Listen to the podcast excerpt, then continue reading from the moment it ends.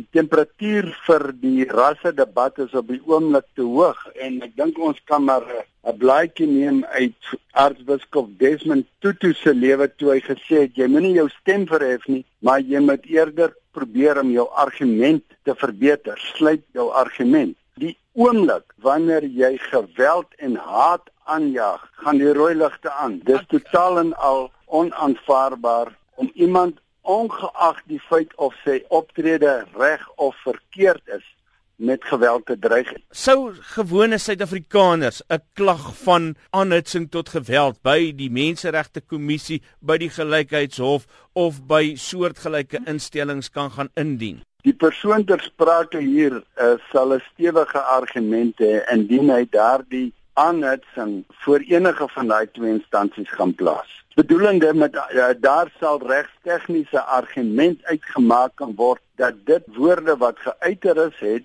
uh, geweld aangejaag en het haat bevorder. En dit strook hoegenaamd nie met die tersaaklike bepalinge van die grondwet of die gelykheidswetgewing nie op uh, sosiale media ook meer genuanceerde tipe afdreigings in die vorm van fotos wat gestuur word as 'n soort name and shame tipe veldtog. In hoe lig sou mens hierdie tipe goed kom beskou?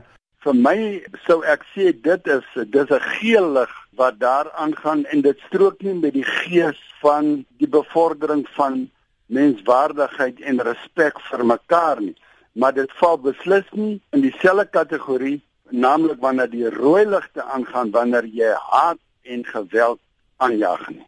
Ek dink daar is heeltemal te min ruimte vir mense om in die gees van vryheid van spraak met mekaar te praat en te luister. Vryheid van straat van spraak beteken 'n veilige ruimte waar almal nie saamstem nie. Maar dit is nie 'n ruimte waar jy diegene wat nie met jou saam stem nie afkraak, beledig en desnoods uh, gewelddadig wil straf omdat hulle bepaalde standpunte huldig nie.